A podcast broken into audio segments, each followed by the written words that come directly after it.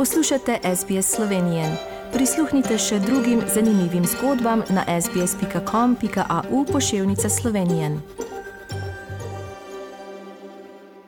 Nadaljujemo današnjo slovensko oddajo na radiju SBS. Slovensko društvo Ivan Sankar Geelong prireja nekatere dogodke in srečanje v klubu v mesecu april in pred kratkim so imeli tudi letni občni zbor, zato smo danes povabili predsednika tega društva, da nam malo pove več o tem in kakšne načrte imajo za naprej in ga ponovno pozdravljamo v naši slovenski oddaji. Dobr dan, Karlo Bole in najprej čestitke, da ste ostali kot predsednik slovenskega društva Ivan Sankar v Geelongu.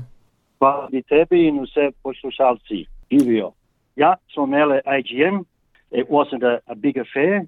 Because of COVID, we had very few times to have a meeting, formal meeting, so we just did it informally. We provided a financial report for the year ending June 2021.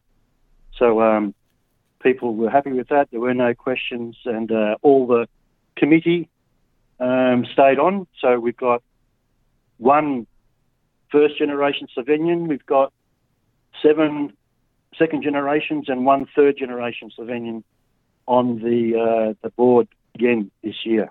Come August 2022, we hope to have a, a real AGM um, and have elections again.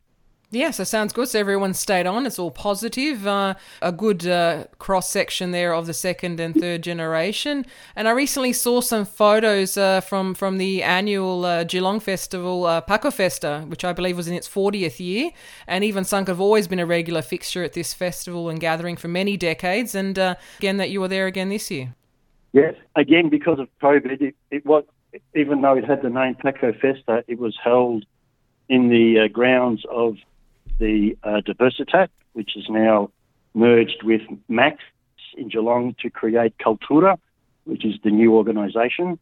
Quite a number of cultural groups were represented, and of course we were there too and did our thing. I've got uh, some information on the history of the national costume, both men's and women's, and some some small detail about the Kurent that was heavily celebrated in, I think, Ptuj in Slovenia.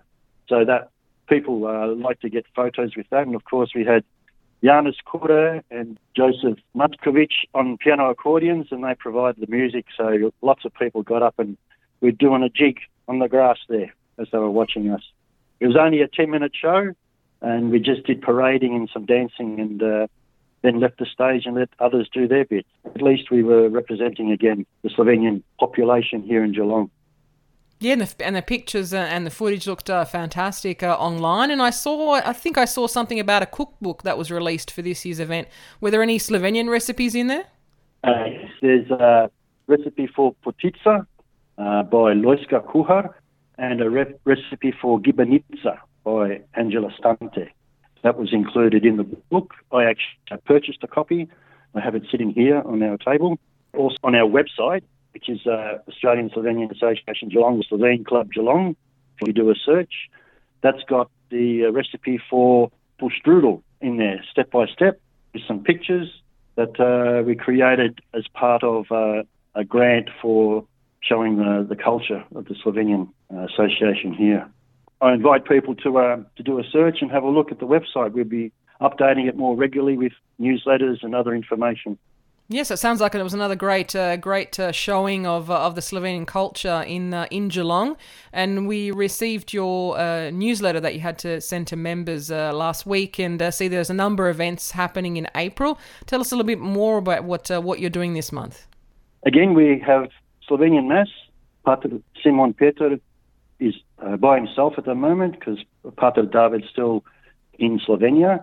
Because it being the lead up to Easter, and being on his own. We the mass uh, at the club will be at, at, one o'clock in the afternoon, and lunch will then be pushed back to two o'clock. So it'll be a late start, but people can sleep in for a change and and come up and enjoy lunch as long as they ring and book on uh, the club number and leave a message on uh, five two seven six one two double four.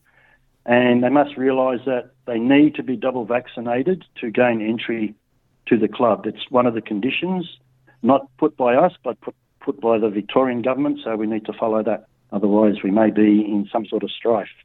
So that's uh, this Sunday. For Velikonočni Ponedeljek, we'll have our normal barbecue picnic and Easter egg hunt for the visitors, which is great to watch them running around with their little buckets, trying to get as many eggs as they can. Again, we need to get people to book. That'll be on Monday, the 18th of April. And then for the last end of the month barbecue, it's been changed to a uh, end of the month spit roast. So we've got a couple of our odbornike taking on the responsibility of organising that, and um, as they have with the other barbecues, and that should be a great event. Hopefully, we get nice warm weather like today here in Geelong to celebrate. So that'll be the Saturday, the 30th of April. So come on up. May will be Mother's Day, uh, and that'll be covered in the next newsletter, as will uh, the June 25th Independence Day celebrations and our usual bonfire. We hope to uh, have a special guest, but I'm yet to invite that individual, so we'll see what happens. Our Slovene Language School will be starting up again in May.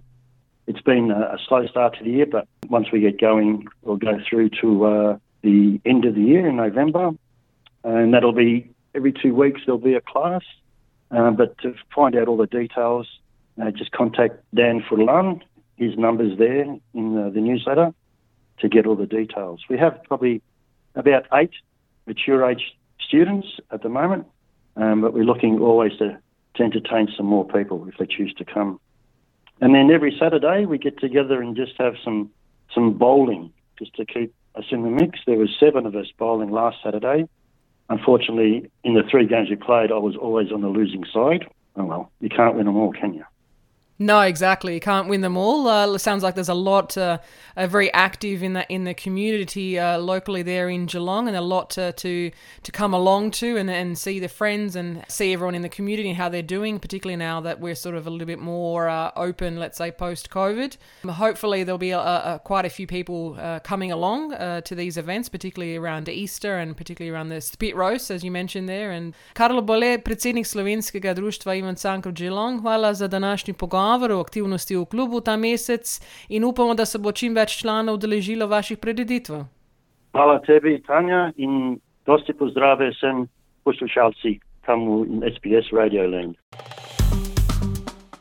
Všečkaj, deli, komentiraj. Spremljaj SBS Slovenijo na Facebooku.